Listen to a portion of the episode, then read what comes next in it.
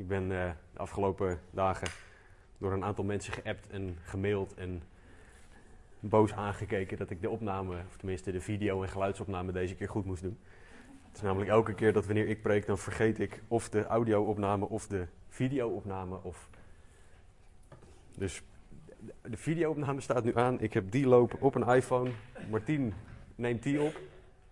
Nu alleen nog de opname van de kerk. Nou, dan zijn we helemaal compleet. En daar heb ik echt geen invloed op. Oké. Om er met de deur in huis te vallen, we gaan geen openbaring behandelen met z'n allen vandaag. Um, het is de slag om Armageddon. En uh, Stan uh, mag die zelf doen. Van, nou zou jij die deur dicht kunnen doen alsjeblieft? Want er gaan nog wel eens kinderen naar het toilet en dat leidt zo af.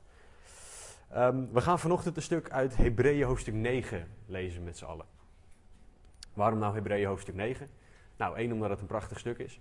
Maar twee ook omdat het ons heel veel bij kan brengen over offers. Ons bij kan brengen over waarom moest Jezus nou sterven. Want we hebben het heel vaak in de kerk over het offer van Jezus Christus. En dat dat zo belangrijk is en dat dat zo fijn is. Maar waarom überhaupt een offer? En waarom Jezus? En nou, zo nog een aantal vragen. En het Bijbelboek Hebreeën is een fantastische uitleg over al die dingen. Op de woensdagavond gaan we ook door Leviticus heen. En um, daar gaat het heel veel over offers. Maar wat, wat hebben wij daar nou nog aan in de hedendaagse tijd, anno 2017? Um, nou, Hebreeën legt dat uit. Hebreeën legt ons uit wat er nu nog relevant, belangrijk en fantastisch is aan die offers. Dus als je daar meer over wil weten, we gaan daar ook op de woensdag doorheen, dus even een beetje reclame maken. Um, maar vanochtend gaan we kijken naar Hebreeën 9, vers 11 tot en met 14. En de schrijver, want men weet niet goed, of sommigen zeggen het te weten, maar de Bijbel geeft ons niet de naam. We weten niet wie het geschreven heeft, behalve Jezus zelf. Hebreeën 9, 11 tot en met 14 zeggen, maar toen is Christus verschenen. De hoge priester van de toekomstige heilsgoederen. Hij is door de meerdere en meer volmaakte tabernakel gegaan, die niet met handen is gemaakt, dat is, die niet van deze schepping is. Hij is niet door het bloed van bokken en kalveren, maar door zijn eigen bloed voor eens en altijd binnengegaan in het heiligdom en heeft daardoor een eeuwige verlossing teweeggebracht. Want als het bloed van stieren en bokken en de as van de jonge koe op de verontreinigden gesprenkeld hen heiligt tot reinheid van het vlees, hoeveel te meer zal het bloed van Christus, die door de eeuwige geest zichzelf smetteloos aan God geofferd heeft, uw geweten reinigen van dode werken om de levende God te dienen. Tot zover. Nou, waarom dit stuk? Nou, daar gaan we achter komen met z'n allen. Um, maar om op een goede manier door dit stuk heen te kunnen gaan, heb ik drie vragen. Ik hou op van drie vragen. Ik stuur jullie elke week voor de studies drie vragen op. Um, maar drie vragen houdt het wel zo overzichtelijk. Dus de drie vragen voor dit stuk zijn één, Waarom is het zo belangrijk dat Christus is verschenen? Twee, wat deed Christus toen hij verschenen was? En drie, wat was het doel van zijn verschijning? Waarom focus ik me daarop? Omdat vers 11 begint met maar toen is Christus verschenen. En dat geeft aan, zo'n koppelwoord als maar, dat er iets heel belangrijks gebeurt. Dat je een tegenstelling krijgt. Dat er opeens iets bijzonders gebeurt wat er daarvoor nog niet duidelijk was. En daarom focus ik me daarop in dit stuk tekst. De situatie is dat de schrijver, nogmaals, we weten niet zeker wie het is, tegen christenen van Joodse afkomst praat. Vandaar de Hebreeën. De Hebreeën was uh, een woord dat uh, nomaden omschreef en een van de eerste omschrijvingen voor wat later het Joodse volk werd. En de schrijver legt uit aan deze Joodse christenen in Jeruzalem hoe belangrijk het is dat ze niet terugvallen in tradities, of zeker Joodse tradities, maar dat ze juist vasthouden aan de betere situatie. Het is namelijk heel makkelijk als je in de buurt van de tempel woont en je elke dag offers ziet en elke dag de Joodse tradities ziet en elke dag daardoor beïnvloed wordt, dat je je daarmee bezig gaat houden en dat je teruggaat naar die situatie in de plaats van dat je je vasthoudt aan de betere situatie, namelijk Christus. En dat is waar de schrijver ons voor waarschuwt. Dat is waar de schrijver deze christenen voor waarschuwt. Dat is waarom deze schrijver ook zegt: maar toen is Christus verschenen. Hij legt eerst een hele hoop uit en dan zegt hij, maar toen is Christus verschenen. Dus de eerste vraag is, maar waarom is het dan zo belangrijk dat Christus is verschenen? Nou, het is zo, de verschijning van Christus verandert alles. En verschijning betekent gewoon dat hij op het toneel komt. Je kan het zo zien als een toneelstuk. En dan gaat het doek omhoog en dan staat er een nieuw personage. En, en dat is Christus. Zijn komst heeft zoveel impact dat het bijna niet te bevatten is. Wij denken vaak alleen aan onze redding, maar de komst van Christus heeft ook verstrekkende gevolgen. Namelijk dat hij het hele universum weer terug gaat brengen in de staat zoals God het bedoeld heeft. De woorden, maar toen is Christus verschenen, zijn voor mij misschien wel de belangrijkste woorden uit de Bijbel. Drie regels voor jullie om, en voor mij ook om te snappen waarom deze woorden zo belangrijk zijn, is context, context en context. In het vastgoed zeggen ze de drie belangrijkste regels zijn locatie, locatie, locatie. Bij ons is het context, context, context. Wat ik daarmee bedoel is dat je nooit één zin uit de Bijbel kan pakken en die los kan gaan interpreteren. Als we dat doen namelijk, dan zegt de Bijbel letterlijk er is geen God. Nou, dat is een lekkere conclusie om te trekken als je niet de rest erbij leest. De woorden ervoor zeggen dat dwaas denkt. Dus het is heel belangrijk om context te lezen. 2 Petrus 1:20 zegt dat geen enkel van de woorden van de profeten een eigenmachtige interpretatie kan krijgen. Oftewel, het hoort allemaal bij elkaar. En wat dan lastig is vanochtend, is dat we midden in de brief vallen. Ik ga niet alle uh, 9,5 hoofdstuk met jullie lezen om de context te geven. Um, maar het is wel heel belangrijk om wanneer je een stuk leest, om context te, lezen. Dus versen ervoor, hoofdstukken ervoor, het boek ervoor, het hele boek, alles wat erna komt. Context. Om toch een beetje context te geven bij dit stuk wat we nu lezen. Um, de schrijver is al 9,5 hoofdstuk bezig om aan deze gelovigen uit te leggen wie Christus is. Hij legt uit wat Christus zijn plek is, wat Christus zijn werk is. Hij legt uit dat Christus groter is dan de tradities. De schrijver zegt bijvoorbeeld: Christus is meer dan de profeten. In één vers schuift de schrijver de oude situatie aan de kant. Hij zegt: In de oude dagen sprak God door de profeten, maar nu spreekt hij door de zoon. In één vers spreekt hij, schuift hij alles aan de kant. En niet dat het niet meer relevant is, maar zegt hij: Christus is beter. De woorden van de profeten waren belangrijk, maar wat Christus zegt, dat is nog veel belangrijker. Christus is hoger dan de engelen in de Joodse traditie. Zijn engelen heel belangrijk. Die staan soms bijna op dezelfde hoogte als God. Maar hij, de schrijver zegt in Hebreeën 1, vers 4 tot hoofdstuk 2, vers 18: Christus is belangrijker. Zijn woorden zijn belangrijk. Als de woorden van engelen al belangrijk zijn, Christus' woorden zijn veel belangrijker. Vervolgens, Christus is meer dan Mozes. dat was voor hun een schok om te horen, denk ik. Mozes is nou, nog net, hij, is, ja, hij staat vlak onder God ook zo'n beetje. Samen met Abraham. Maar dat zijn echt de mannen uit de Joodse traditie. En deze schrijvers zeggen, ja maar jongens, Christus is meer. Daar spreekt hij over in Hebreeën 3. Verder, daarna, ja, wie is er nog meer belangrijk? Nou, in de Joodse traditie is de hoge priester belangrijk. Dat is degene die mag offeren. De schrijver zegt, Christus is meer dan de hoge priester. Hij is de hoge priester die we nodig hebben.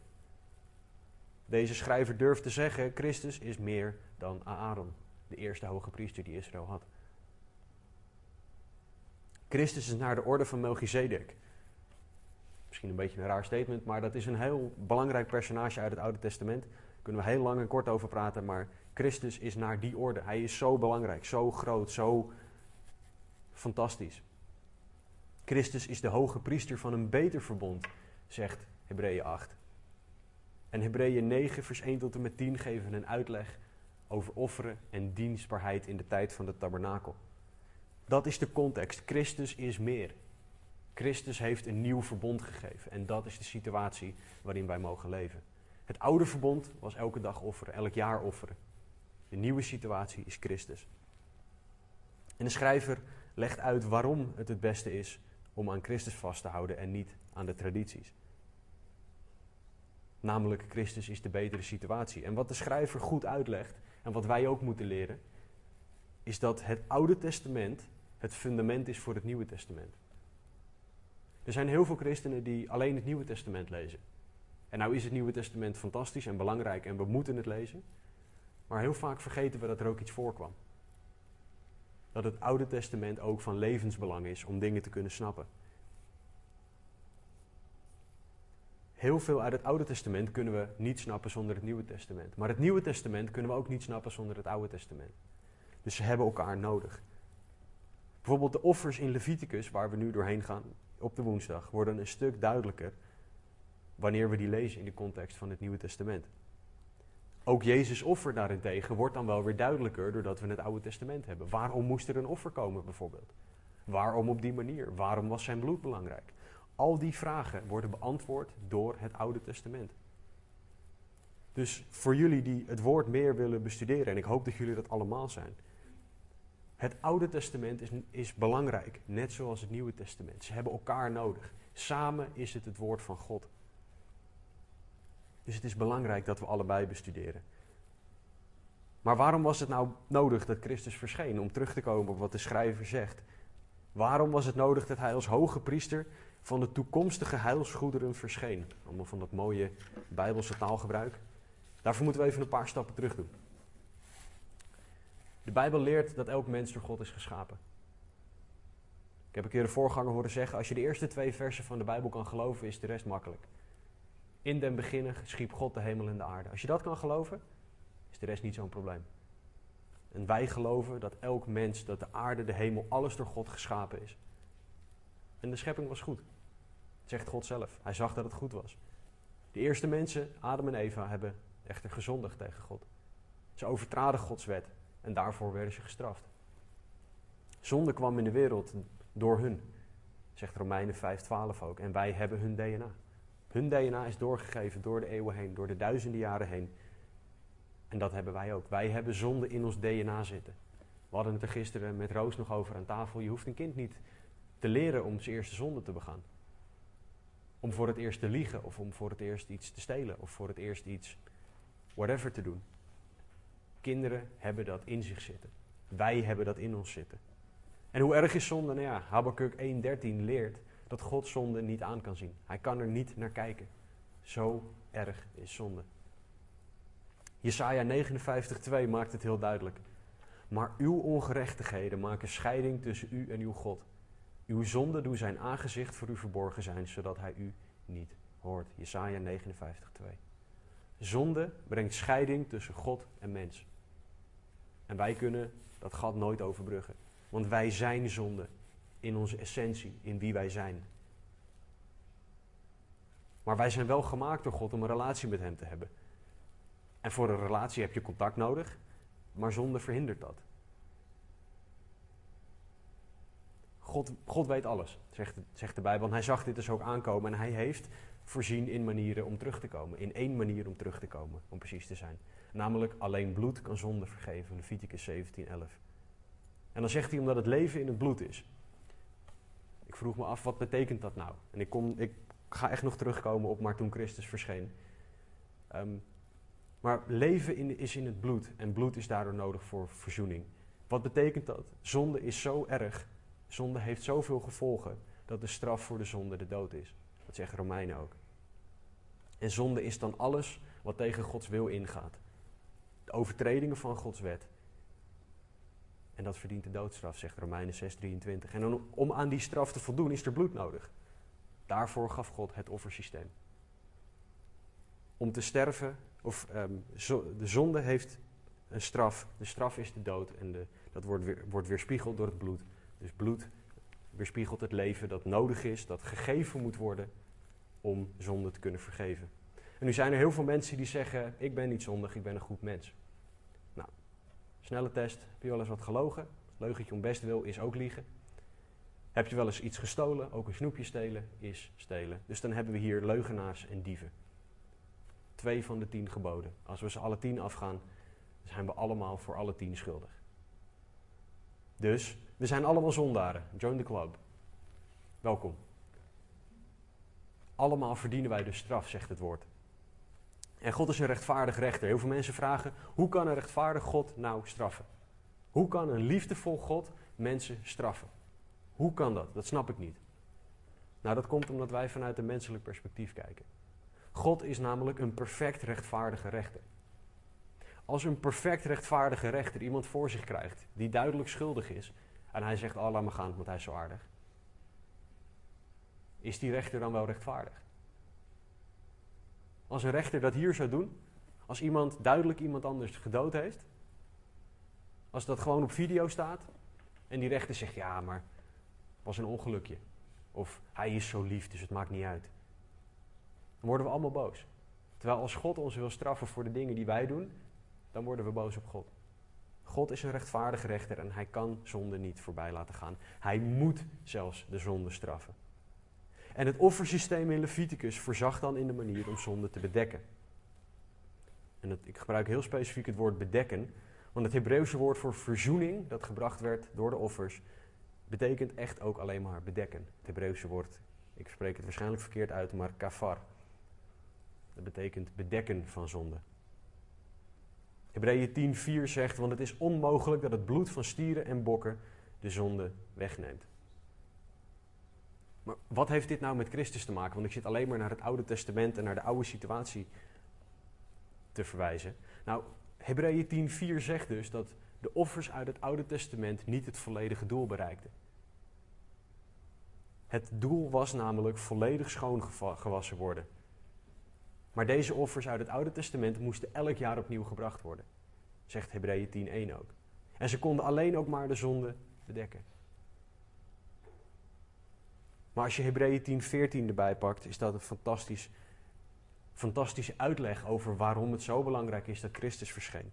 Met één offer, dus niet meer jaarlijks, maar met één offer heeft Hij, God, Christus, hen die geheiligd worden tot in eeuwigheid volmaakt. Dat is wat er gebeurde toen Christus verscheen. Dat is waarom het zo belangrijk is dat Christus verscheen. Dat is waarom het van levensbelang is voor ons allemaal dat Christus verscheen. Want anders horen wij nu nog te offeren. En ik weet niet of jullie het weten, maar de Joden offeren niet meer. Er wordt niet geofferd. Sinds pak een beetje 70, 75 na Christus wordt er niet meer geofferd. Ze hebben geen tempel om te offeren, geen plaats om te offeren. En volgens de rabbijnen mag je offeren vervangen met gebed. Dus als het offersysteem nog zo belangrijk zou zijn, dan hebben we een probleem. En daarom, maar toen is Christus verschenen. Daarom zijn die woorden zo ontzettend belangrijk.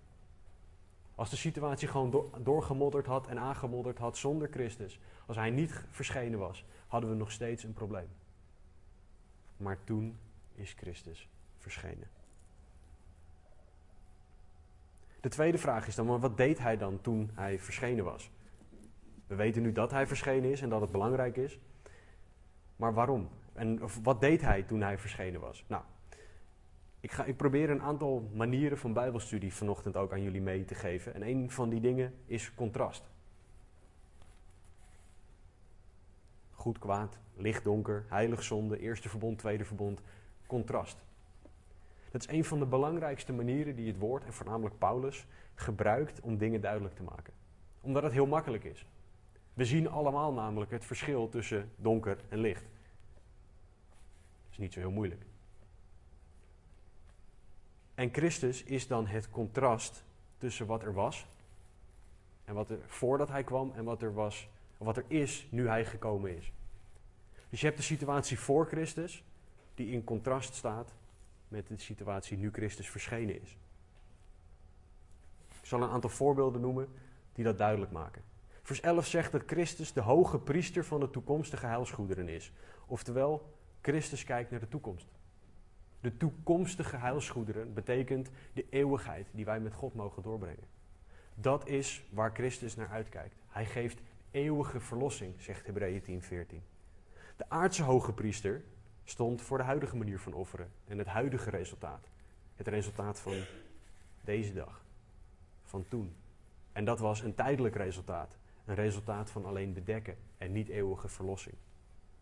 Het contrast tussen eeuwig, Christus, en alleen nu de aardse hoge priester.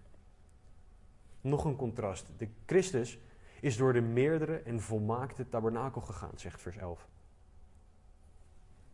De hemelse tabernakel, de tempel in de hemel is waar Christus doorheen gegaan is.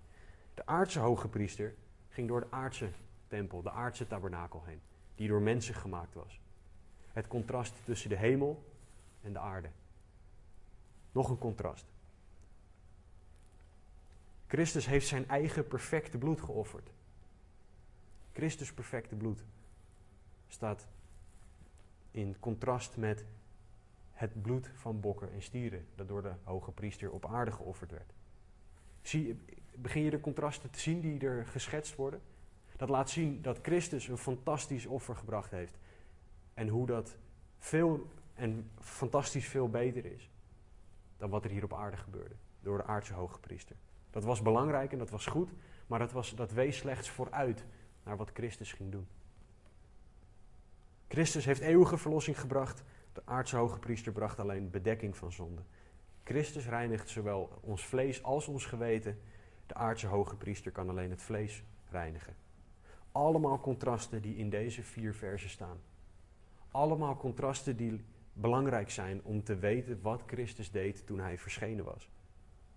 Want de aardse hoge priester ten opzichte van Christus is, dat is bijna dag en nacht qua resultaat. Wat deed Christus? Hij gaf het perfecte offer. De aardse hoge priester gaf een aards offer. Jezus gaf perfect bloed, de aardse hoge priester gaf aardsbloed. En het contrast zit dus in het effect van hun werk. De aardse hoge priester gaf alleen bedekking van zonde, Jezus gaf eeuwige verlossing. De aardse hoge priester mocht één keer per jaar in Gods aanwezigheid komen. Dat wordt uitgelegd in Leviticus 16. Eén keer per jaar in Gods aanwezigheid. Denk je eens even, sta daar eens even bij stil. Eén keer per jaar mocht iemand voor jou in Gods aanwezigheid komen. Dat kunnen wij ons niet meer, dat, dat snappen wij niet. Want wij hebben het offer van Christus. En wij mogen elke dag, altijd, met alles bij Hem komen. De hoge priester offerde een offer op Yom Kippur, de grote verzoendag. En dat offer werd elk jaar herhaald. Want dat offer moest herhaald worden omdat mensen zich eraan moesten herinneren. Maar ook het bloed van dieren kon de zonde alleen bedekken en niet wegnemen. Nieuwe Testament laat zien dat Jezus geofferd heeft, niet op de aarde. In Hebreeën 9, vers 24 en 25 wordt er uitgelegd dat Christus in het hemelse heiligdom binnen is gegaan en daar geofferd heeft. Hij heeft de eeuwige schuld betaald die elke zondaar bij God heeft. En God is dan een rechtvaardig rechter, nogmaals, want hij moet straffen wat de wet overtreedt. Zonde tegen een eeuwige God heeft een eeuwig effect. In Psalm 51 legt David uit dat hij tegen God en God alleen gezondigd heeft. Als je tegen God gezondigd hebt, God is een eeuwig God, dan heeft het een eeuwig effect. En om voor een eeuwige zonde te kunnen betalen, heb je dus een eeuwige prijs nodig. En aangezien de straf voor de zonde de dood is, heb je een eeuwige dood nodig. Nou, wij kunnen allemaal sterven. Dat is niet zo moeilijk. Mensen doen het dagelijks. Het klinkt, het klinkt heel cru en ik weet dat ik, dat ik het heel cru zeg, maar ik probeer puur het punt duidelijk te maken. Sterven is niet bijzonder. Uit de dood opstaan is bijzonder. En dat hebben we mogen vieren afgelopen week. Iedereen kan sterven, alleen Christus stond uit de dood op en overwon daarmee de dood. Hij betaalde niet alleen de prijs, maar overwon ook de dood. En gaf ons daarmee de uiteindelijke overwinning. In Romeinen 7, 4 wordt het als volgt uitgelegd. Zo, mijn broeders, bent u ook door het lichaam van Christus gedood met betrekking tot de wet, opdat u aan een ander zou toebehoren, namelijk aan Hem die uit de doden opgewekt is, opdat wij vrucht zouden dragen voor God. De straf is betaald. Als iemand zijn straf uitgezeten heeft, dan is het klaar. Dan is er niet nog een straf die staat te wachten, want het is klaar. Wanneer wij dood zijn voor de wet, wanneer wij Christus accepteren, is er voor ons geen straf meer. De straf is één keer. Hij duurt wel eeuwig, maar de straf is één keer. Dit is wat Jezus deed toen hij verschenen was. Jezus droeg de straf die jij en ik hadden verdiend. Petrus verwoordt het als volgt. Ik kan het niet beter zeggen, dus vandaar dat ik hem citeer. Het 1 Petrus 2, vers 22 tot en met 24. Hij die geen zonde gedaan heeft en in wiens mond geen bedrog gevonden is, die toen hij uitgescholden werd, niet terugschold. En toen hij leed, niet dreigde, maar het overgaf aan hem die rechtvaardig oordeelt. die zelf onze zonde in zijn lichaam gedragen heeft op het hout, opdat wij voor de zonde dood, voor de gerechtigheid zouden leven. Door zijn striemen bent u genezen. Jezus droeg onze zonde aan het kruis in zijn lichaam. Hij liet alles over zich heen komen. Als je de details gaat bekijken van wat er met hem gebeurd is, is onmenselijk. Een baard die uit zijn gezicht gerukt werd. Dit soort lange doornen die in zijn hoofd gemapt werden. Een balk die hij moest dragen, waarbij ze rustig nog gewoon even zijn voeten onder zijn benen, onder zijn lichaam vandaan schopte, omdat ze dat grappig vonden.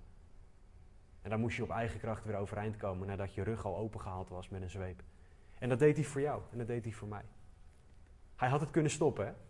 Almachtig God had kunnen zeggen: jongens, het is klaar. Ik heb er geen zin meer in. Te veel pijn. Ik wil niet meer. En Jezus ging door. Voor jou en voor mij. Dat is wat Jezus deed. Dat is hoeveel hij van je houdt. Hij ging niet door omdat hij het leuk vond. Hij ging door omdat hij van jou houdt. Omdat hij van mij houdt. Hij is het offer geworden dat nodig was om voor jou en voor mij de prijs te betalen voor onze zonde. Dat is wat Jezus deed toen hij verscheen. Jezus waste ons zoon van onze, schoon van onze zonde. Dat is ook iets wat hij deed toen hij kwam. Zonde maakt de mens vuil. De Bijbel zegt dat onze gerechtigheid is als, en als je het vrij vertaalt, is het gebruikte maandverband. Zo waardevol is onze gerechtigheid. Als je, als je denkt dat je het zelf kan verdienen richting God, zo vies ziet God onze eigen, de dingen die wij zelf doen, om het bij God te verdienen. We verdienen het niet, het is genade. God wast ons schoon. Jesaja verwoordt het als volgt: Kom, nu, laten wij een rechtszaak voeren, zegt de Heer. Al waren uw zonden als scharlaken, ze zullen wit worden als sneeuw. Al waren ze rood als karmozijn, ze zullen worden als witte wol. En die twee kleuren, scharlaken en karmozijn, zijn verfsoorten. En die waren zo heftig dat als je een heel klein beetje kleding had, dan kon je met één of twee druppeltjes kon je al een aantal sets aan kleding kon je kleuren. Het ging er niet meer uit, die kleur. En God zegt, ik krijg dat er wel uit. De kleur van jouw zonde, het effect van jouw zonde krijg ik weg. Ik maak je weer wit als sneeuw. God zegt gewoon eigenlijk, zonde verkleurt alles. En hij wil dat we rein, wit en heilig zijn. En dat lukt zelf niet. Dat kan alleen door Christus offer. David Guzik verwoordt het als volgt. Wat een geweldige hoop is er in Gods vergeving. We kunnen echt, echt vrij zijn van de vlek van de zonde. Onze goede werken kunnen de vlek niet schoonmaken. Onze beste intentie en beloftes kunnen de vlek niet schoonmaken. Ons lijden en onze pijn kan de vlek niet schoonmaken. Tijd kan de vlek niet schoonmaken. De dood kan de vlek niet schoonmaken. Alleen het werk van Jezus kan ons wit als sneeuw maken. We kunnen breken met het verleden en opnieuw beginnen in Jezus Christus. De kracht van de zonde, de schaamte van de zonde, de schuld van de zonde, de dominantie van de zonde, de terreur van de zonde en de pijn van de zonde kunnen allemaal weggenomen worden in Jezus. Dat is wat Christus deed toen hij verscheen. Daarnaast, daarbovenop, geeft Jezus ook nog toegang tot God. Zoals ik al zei in Leviticus 16 wordt de hoge priester één keer per jaar toegestaan om bij God te komen. En dat was dan voor het hele volk. Het was niet dat je in de rij mocht gaan staan en allemaal even naar binnen mocht. Alleen de hoge priester. De aardse hoge priester één keer. Door Jezus werk mogen wij elke dag bij hem komen, zegt Hebreeën 4:16. Jezus offer heeft de scheiding tussen God en mens weggehaald. Jezus zegt zelf: Ik ben de weg, de waarheid en het leven. Niemand komt tot de Vader dan door mij. Dat is de weg nu. Je kan het zo voor je zien. Je hebt een ravijn met God aan de ene kant en de mens aan de andere kant. En je kan er niet overheen. Je kan geen brug maken of iets. En daar staat dan het kruis. En die valt zo om. En je mag over het kruis mag je naar de andere kant lopen. Er is nog steeds geen andere weg. Het is niet dat Boeddha een weg gevonden heeft waarvan God zegt: Oh, die had ik gemist. Of dat Hari Krishna of wie dan ook een weg gevonden heeft die God gemist had. Er is één weg. Jezus Christus. En die mogen we nu dagelijks bewandelen. Efeze 2 zegt dat wij door één geest de toegang tot de Vader hebben.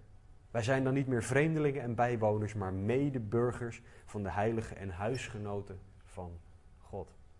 Nou, als huisgenoten zit je echt met elkaar opgescheept. Je zit echt bij elkaar, hutje mutje, je hebt contacten met elkaar. En dat is wat God met ons wil. Hutje mutje, contact. Praten, lachen, gieren, brullen, huilen. Dat is wat God met ons wil doen. Dat is wat wij nu mogen doen doordat Christus verschenen is. En wat ik ook zeg, Christus, God wil contact met ons hebben. En hoe doet hij dat? Voornamelijk door zijn woord.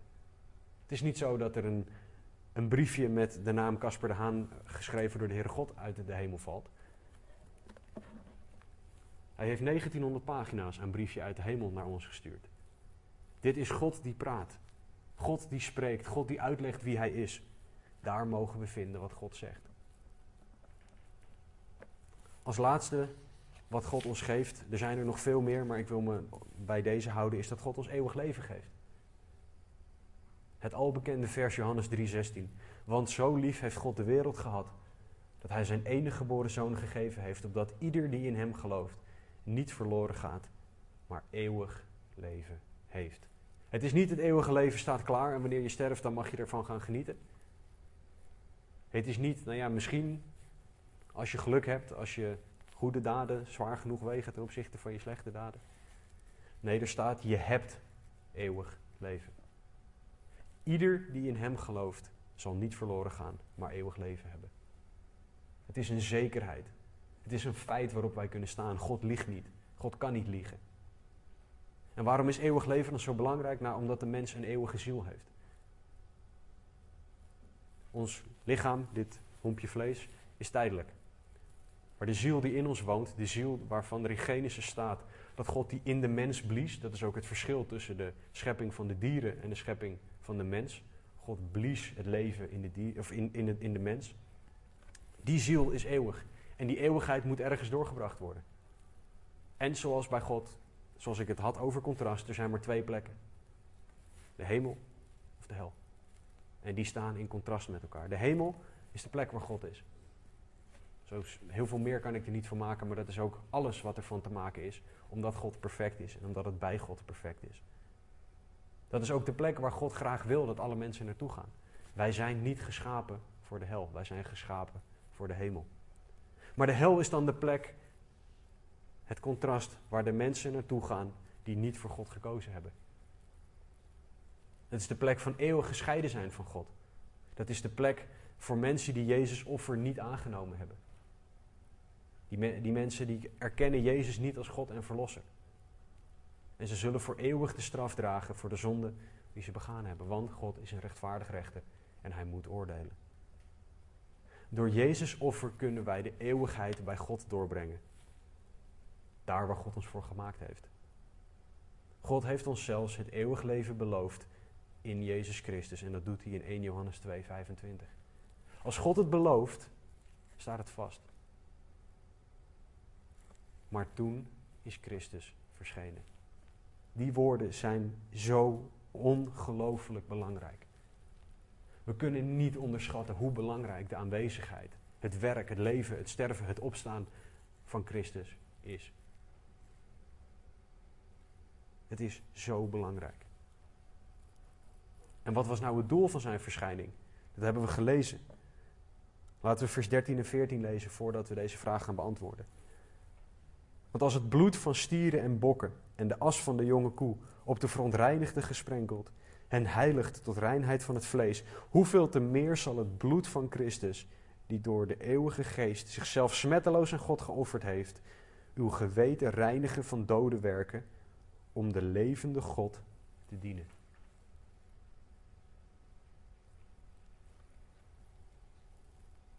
Jezus had een doel met zijn verschijning. Hij wil, zoals vers 14 zegt, dat wij de levende God dienen. En ook daar zit weer een contrast.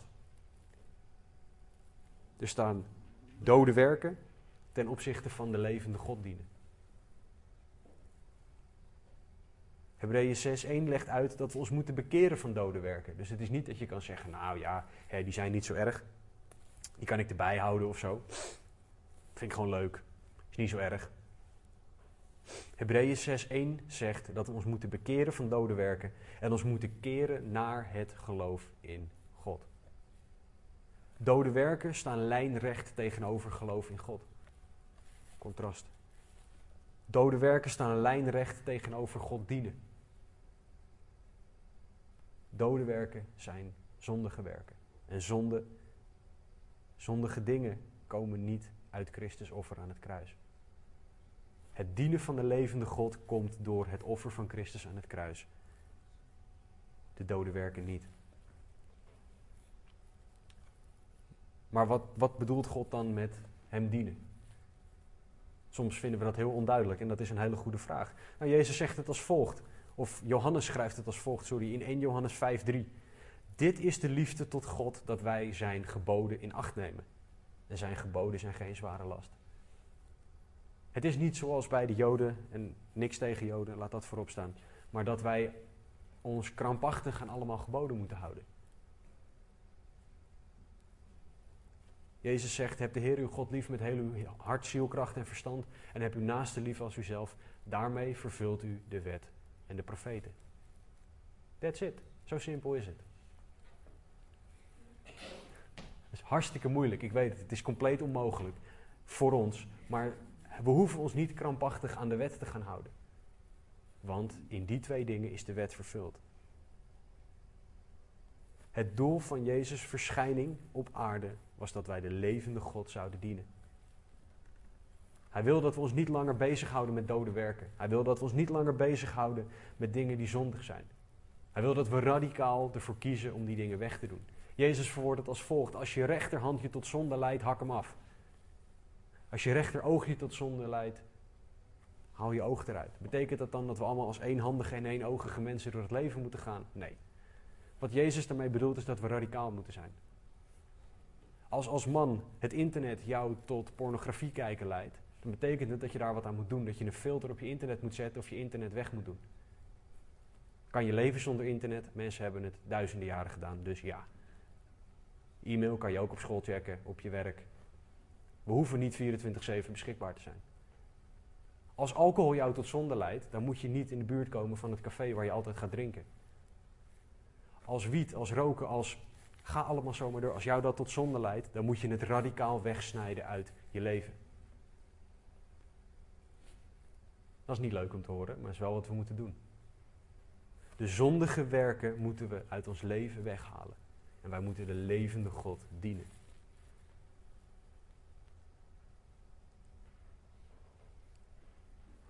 Jezus' doel was om, was om ons eerst met God te verzoenen, ons te vergeven van onze zonden, zodat we daarna iets kunnen doen. Maar wat kunnen we nou doen dan? Wat, wat houdt het nou in fysiek tastbaar om God te kunnen dienen? ik heb een aantal groepen mensen opgeschreven. Het is niet discriminerend, gewoon bijvoorbeeld als lid van de kerk, als lid van uh, het lichaam van Christus. We moeten tot God naderen. Dus lees je Bijbel, bid elke dag dat je groeien mag. Het kinderliedje is zo fantastisch en het is zo waar. Matthäus 28, vertel de wereld over wie God is. Doop hen in de naam van de Vader en de Zoon en de Heilige Geest, hen vertellend alles wat ik u geboden heb, zegt Jezus. Dat kunnen we allemaal doen. God wil dat we heilig leven zoals Hij heilig is. 1 Petrus 1,16. God wil dat we Hem lief hebben met heel ons hart, ziel, kracht en verstand en onze naaste als onszelf. Daar ben je een leven lang mee bezig hoor, om daar te komen. Dus allemaal manieren om God te dienen. Als man, wat moet ik doen richting mijn vrouw? Nou, ik moet mijn vrouw liefhebben zoals Christus de gemeente lief heeft. En Christus gaf zijn leven. We hadden het er afgelopen woensdag volgens mij nog over. Dat als Amit aan mij zou vragen, morgen of vandaag... Casper, wil je alsjeblieft voor mij sterven? Dan heb ik, bijbels gezien, geen enkel recht om nee te zeggen. Het klinkt misschien heel stom en heel raar, maar het is wel waar. Ik hoop dat ze het niet doet, want ik wil nog graag even genieten van mijn vrouw en mijn dochter. En voor zover er dingen op aarde te genieten zijn, wil ik daarvan genieten. Maar ze mag er wel mij vragen. God heeft ook humor, want hij zegt dat mannen met begrip met hun vrouw moeten samenwonen. Nou ja, oké. Heer, geef mij wijsheid. Um, maar ik moet, ik moet Amit leren begrijpen. Mannen, leer je vrouw begrijpen. Mooist is dan dat ze zeggen, ja, maar ik snap mezelf niet. Ja, dan, heer, hè?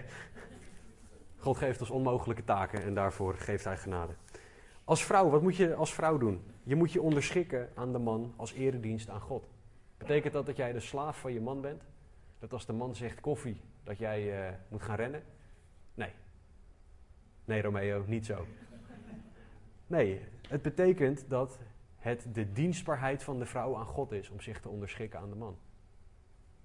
Betekent dat dat de vrouw in alles naar de man moet luisteren? Nou, op het moment dat hij iets zegt wat niet overeenkomt met het woord, nee. God gaat boven de man. Vraag je als man ook eens af, zou ik ondergeschikt willen zijn aan mezelf? Als je wat zielonderzoek wil doen, dan moet je die vragen stellen en daar eens rustig voor gaan zitten. Die is niet zo leuk, kan ik je vertellen. Maar dat is wel wat God van de vrouw vraagt. Als kinderen, eer je ouders. Wees je ouders gehoorzaam. Ook zo eentje. Eer je ouders, Exodus 20. Wees je ouders gehoorzaam, Efeze 6, 1. Zo eentje die je als kinder ook niet graag hoort. Specifiek als kerkganger, wat horen wij te doen? We horen op elkaar te letten. Het is niet zo dat het in een kerk allemaal afhangt van de persoon die hier staat. Het is niet zo dat jullie alleen maar geestelijk goede gesprekken met Stan kunnen hebben. Of met mij kunnen hebben, of met die ene persoon. Wij horen op elkaar te letten. Wij zijn het lichaam van Christus. Wij horen ons masker af te doen richting elkaar en wij horen eerlijk te zijn, echt te zijn met elkaar. Wij moeten op elkaar letten, zegt Hebreeën. Nog zo'n leuke, wij moeten elkaar aanspreken op zonde. Heel vaak zeggen we, ja, maar dat, dat, zo is hij nou eenmaal. Of zo is zij nou eenmaal. Of we denken, nou ja, ik bid wel voor ze. De Bijbel zegt gewoon in Galaten dat wij elkaar moeten aanspreken op de zonde. En dat is niet de verantwoordelijkheid van de persoon die hier staat. Er wordt tegen de kerk gesproken en de kerk zijn de mensen in de kerk. Niet de voorganger en companen, maar de hele kerk. Als jullie iets in mij zien wat niet klopt, als ik zondig op een manier, dan moeten jullie mij daarop aanspreken. Dat is jullie verantwoordelijkheid. Mijn verantwoordelijkheid is om daar goed op te reageren. Maar ook dat zijn dingen, hoe vaak doen we dat? Hoe lang is het geleden dat je op zo'n manier op iemand gelet hebt? En dat je iemand aangesproken hebt op dingen? Hoe fantastisch zou de kerk zijn als wij dat allemaal bij elkaar zouden doen? De waarheid in liefde sprekend elkaar aanspreken op zonde. Is dat lastig? Ja. Is dat eng? Ja. Horen we het te doen? Ja. Ook zo eentje, de onderlinge samenkomst niet verzaken. Nou is dat lastig zeggen tegen mensen die bij de onderlinge samenkomst zijn. Um, maar verzaak hem niet. Kom naar de kerk. We hebben een doordeweekse studie. Spreek met elkaar af. Ga bij elkaar eten. Ga koffie drinken met iemand als je weet dat je in de buurt werkt bij iemand. Verzaak de onderlinge samenkomst niet. En die laatste die ik heb is zijn kerk hebben. Dat klinkt misschien stom, maar er zijn mensen en die zeggen: Ik hou van Christus, maar niet van de kerk. Ik ben een christen, maar ik ga niet naar de kerk, want ik hou niet van de kerk. Ik vind de kerk zo vervelend. 1 Johannes 5, vers 1 en 2 zeggen dat wie God lief heeft, per definitie ook zijn mensen lief heeft. Als je wel van God houdt, maar niet van christenen, dan heb je een probleem. Zegt 1 Johannes 5, vers 1 en 2. Niet ik. Ik citeer alleen het woord. Wij horen van de kerk te houden. Zitten er mensen in? Ja. Zijn de mensen vervelend? Zeker. Maar we horen wel van de kerk te houden. Wij horen onderlinge liefde te hebben en die te laten zien. Johannes 13, vers 34 zegt dat de onderlinge liefde dat is waaraan wij te herkennen horen te zijn. Het hoort niet zo te zijn dat er in de kerk roddel en achterklap is. Dat als je iets deelt met iemand, dat je opeens van iemand anders hoort. Waar zit jij nou mee? Wij horen onderlinge liefde te hebben. Wij horen uit te reiken naar elkaar.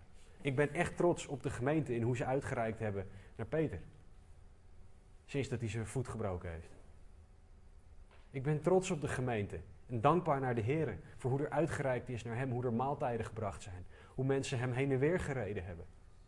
Dank u Heer voor dat werk, maar dat hoort normaal te zijn. Want daaraan zal men herkennen dat wij christenen zijn. En de lijst gaat maar door. Ik heb, ik heb er nu een aantal uitgehaald, maar we kunnen hier uren over praten. En dit zijn allemaal praktische voorbeelden die het woord geeft over hoe wij kunnen dienen. Over hoe wij moeten dienen. Want Christus is verschenen, hij heeft zijn ding gedaan en nu is het aan ons. Hoe dienen wij als respons daarop? Dit is, en laat heel duidelijk zijn, dit is een lijst van onmogelijke dingen. God vraagt ook alleen maar onmogelijke dingen van ons, want dat betekent dat we Hem nodig hebben. Het zijn allemaal dingen die voor niemand natuurlijk komen.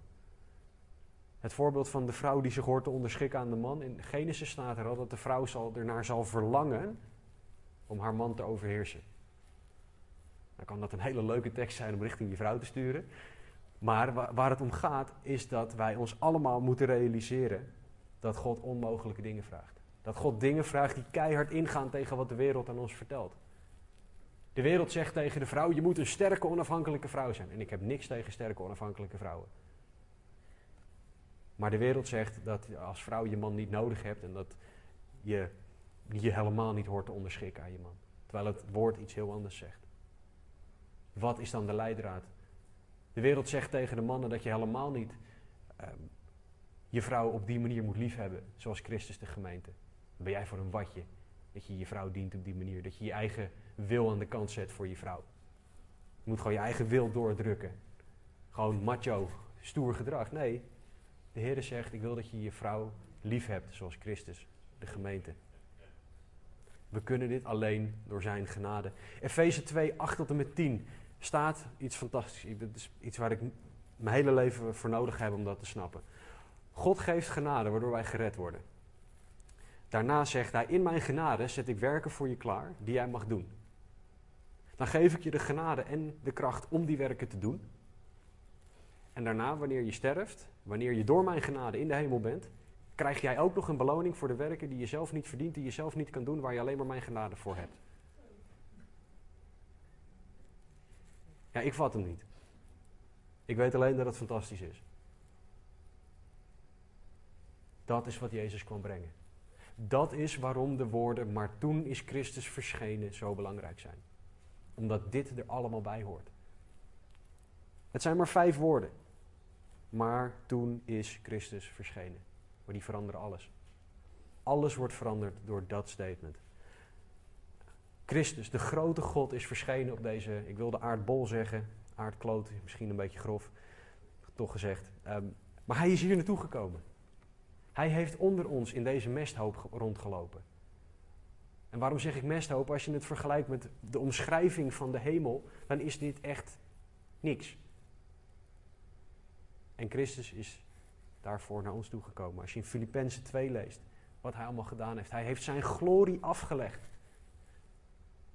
Weet je hoe Christus uiteindelijk in openbaring, en dan loop ik een beetje op stand vooruit, maar weet je hoe hij gaat overwinnen? Door het licht van zijn glorie. Het is niet dat Christus helemaal bezweet en bebloed een gevecht aan moet gaan met Satan en dat het kiele, kiele, kiele is. En misschien hopen we dat hij ooit zal, misschien. Hij hoeft alleen maar zijn glorie te laten zien en Satan verliest. Zo groot is God en hij zegt: Ik kom naar jou toe. Maar toen is Christus verschenen. Hij heeft onder ons geleefd. Hij is de ultieme hoge priester geworden. Hij heeft het offer gebracht wat de mens nodig heeft. Hij bracht het offer waardoor wij nu eeuwige verlossing kunnen hebben. Hij deed dat zodat wij mensen die oneindig grote God mogen dienen in de plaats van onze eigen wil te dienen. Wat kunnen wij hier nou mee? Dat Christus verschenen is. Nou, denk je in. De God van hemel en aarde, die alles gemaakt heeft, zegt Colossense 1,16. Door wie alle dingen bestaan, Colossense 1,17. Die God die ons voorbestemd heeft om zijn kinderen te zijn, Efeze 1,5. De God die zoveel genade heeft en geeft, Efeze 2,8. De eeuwige God, Psalm 90, 2. De almachtige God, Genesis 17, 1. Die God verscheen aan de mens. Die God. Hij is naar de aarde gekomen. Hij is een slaaf geworden, heeft zichzelf vernederd en is aan een kruis genageld. Wat nog steeds beschouwd wordt als een van de meest vreselijke manieren van sterven.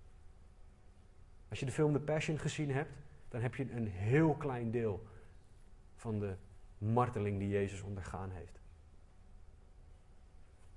Wat een genade is het dat hij dat gedaan heeft. Wat een liefde. Maar hoe vaak sta je daarbij stil? Hoe vaak denk jij na over het offer? Over de lijdensweg? Over het bloed? Hoe vaak sta jij stil bij het feit dat Christus verschenen is en dat Hij dat voor jou gedaan heeft?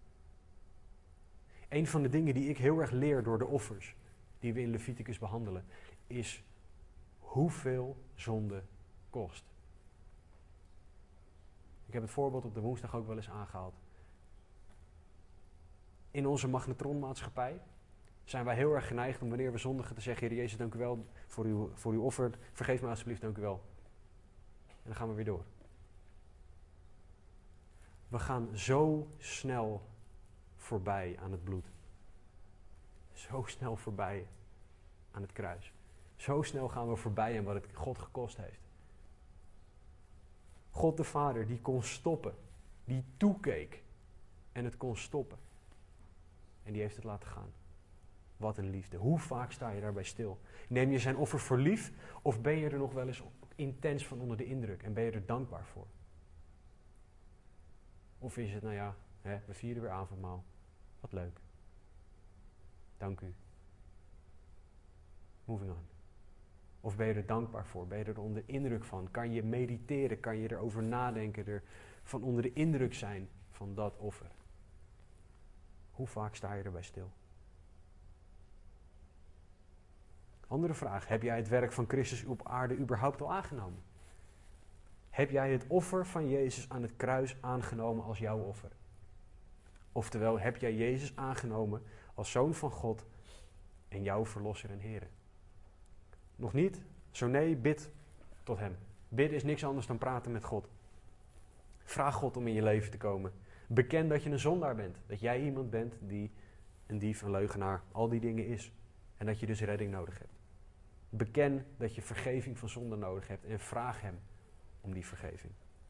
Zo ja, heb jij het werk van Christus al aangenomen? Sta jij nog in vuur en vlam voor Hem? Ik betrapte mezelf er laatst op dat ik. Ehm, ik heb genade van God gekregen. Ik ga bij mijn werkgever door een sollicitatieproces heen. En er was niet duidelijk wanneer mijn sollicitatiegesprek zou zijn. Zoals ik zei, Ziegen is op 23 tot en met 26 mei. En ja, het kon tot en met eind mei kon ik mijn sollicitatiegesprek hebben. In geloof hebben wij gezegd, Heer, ik wil graag mee naar Ziegen, we gaan. En nu, fantastisch, 22 mei om half twee heb ik mijn sollicitatiegesprek. Ben ik bereid om daarover te zeggen, heren, dank u wel? Ben ik bereid om daarvan zingend en juichend over de afdeling te lopen en al mijn collega's te laten denken dat ik een ongelofelijke idioot ben? Maar loof ik wel de heren? Ben ik bereid om te getuigen van dat feit? Of zeg ik, oh wat fijn. Sta jij nog in vuur en vlam voor God, voor wat Hij voor jou doet? Ben je nog bereid om ten koste van alles dat te delen met mensen om je heen? Of doe je dat niet? Ben je een geheim christen? Vraag God om je weer in vuur en vlam te zetten. Als jij een beetje lauw bent, moet je de gemeente in Laodicea lezen. In openbaring. Jezus zelf zegt daarover, ik spuug jullie uit, waren jullie maar warm of koud. Vraag God om je weer in vuur en vlam te zetten voor Hem. En als laatste, dien jij God? Dien jij God? Of ben je met je eigen ding bezig? Hele duidelijke indicatie van of jij God dient, is waar gaan jouw tijd, aandacht en energie heen? En als laatste je geld. Waar gaat je geld heen? Uit die dingen kan je opmaken wie of wat jij dient. Als jij bereid bent om dat allemaal voor God in te zetten, dan is het geen moeite om bijvoorbeeld te zeggen, nou ja, dan ben ik een keer op zondag om half negen aanwezig. Om te helpen met opbouwen. Niet dat we mensen nodig hebben, maar het is gewoon fantastisch om samen te dienen.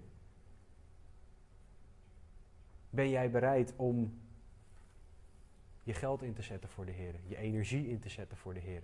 Ben jij bereid om moeite te doen om de Heer te dienen? Ben jij bereid om je eigen ambities aan de kant te schuiven voor de Heer? Ben jij bereid om alles van jezelf ondergeschikt te maken aan God?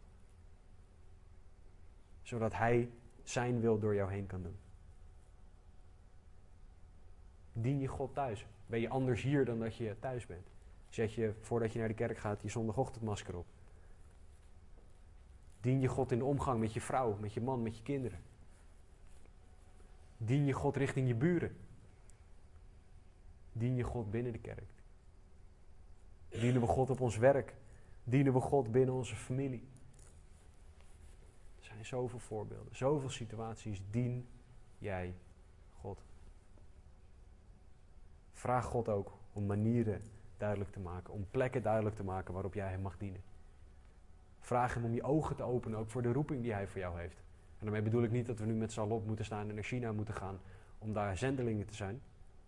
Maar wat wil God van jou? Hij heeft jou voor een reden op de plek gezet waar je nu bent.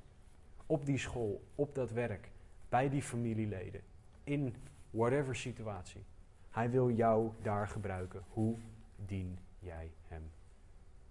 Maar toen is Christus verschenen. Laten we bidden. Heere God, dank u wel voor wie u bent.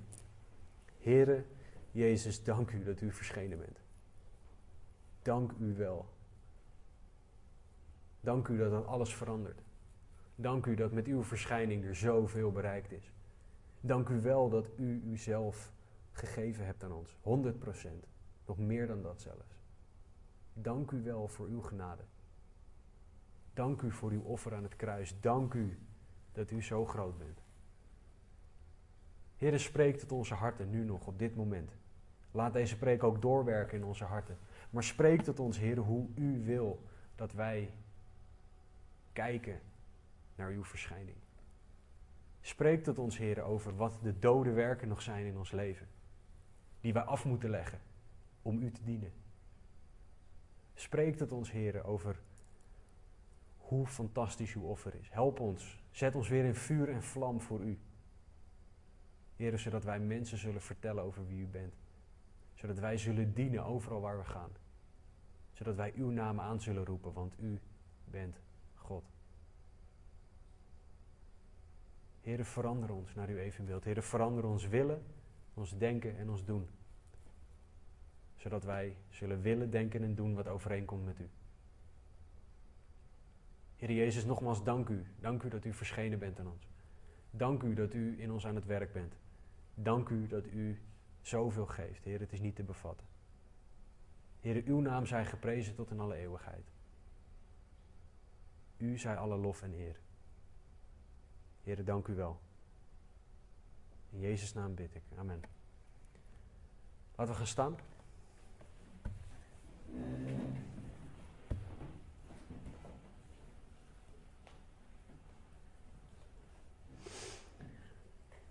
Hou je deze week bezig met het feit dat Christus is verschenen. Praat er met elkaar over. Praat er ook tijdens de koffie en de thee over. Over wat het betekent. Als je er nog vragen over hebt, over wat, over wat ik allemaal gezegd heb, stel ze aan me. Maar praat met elkaar, denk erover na, mediteer op het feit dat Christus is verschenen. Een hele gezegende week. Ik hoop jullie woensdag te zien. Ik hoop dat het huis te klein is. En wees lief voor elkaar, dien elkaar. Ga in vrede. In Jezus' naam. Amen.